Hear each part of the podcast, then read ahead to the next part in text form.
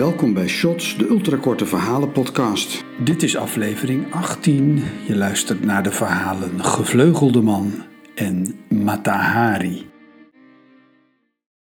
Gevleugelde Man.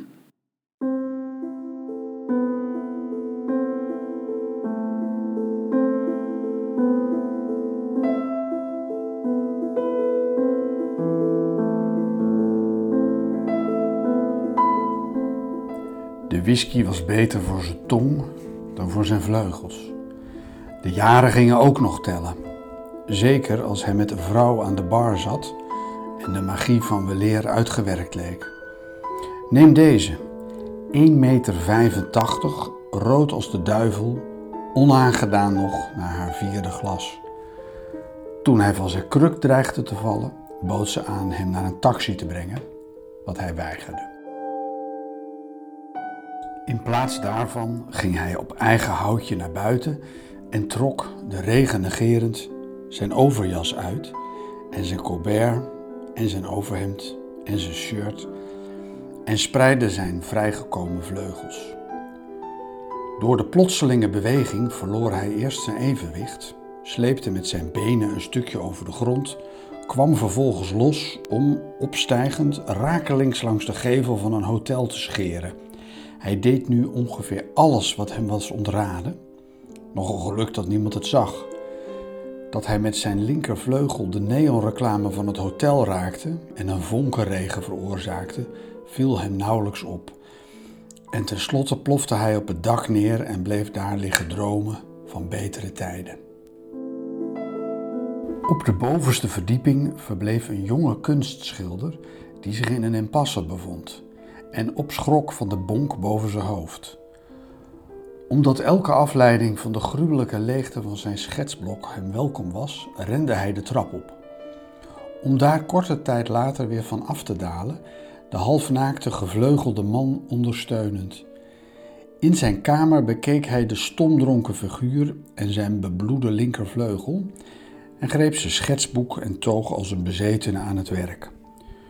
Soms onderbrak hij, om het tableau te herschikken en de man in een andere positie op de bank te plaatsen, de vleugels steeds anders gedrapeerd. Pas veel, veel later, toen de man hem al lang was gesmeerd en de tot reusachtige schilderijen uitgewerkte schetsen in peperdure galerieën hingen, begon langzaam de waanzin tot de jonge schilder door te dringen. De enorme walvispens, de hangborsten met plukken haar als zwarte fonteintjes rond de tepels, de hangwangen en gezwollen oogleden, hangende enorme oorlellen, de wenkbrauwen als twee stadsparkjes op de kale schedel, de stank van nicotine en alcohol, de plotseling openende, bloeddoorlopen ogen.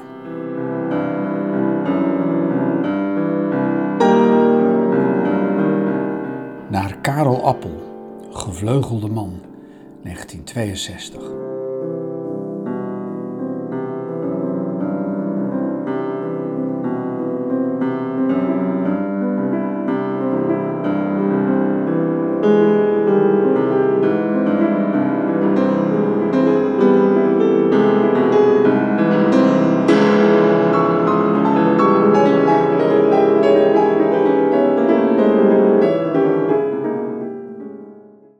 Matahari.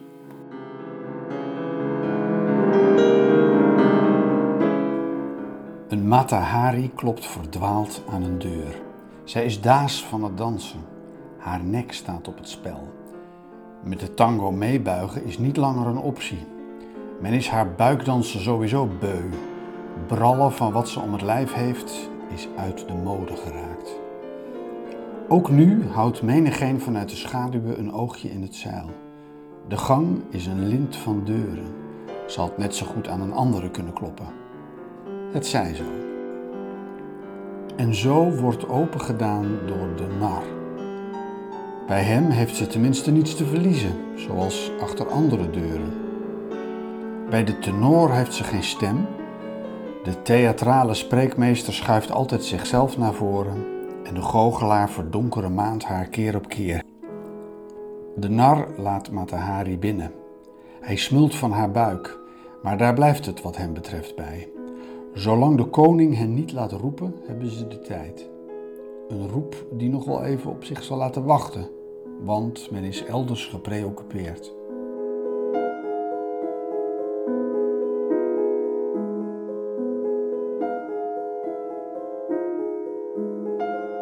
Deze verhalen werden geschreven en verteld door M.H. Vesseur.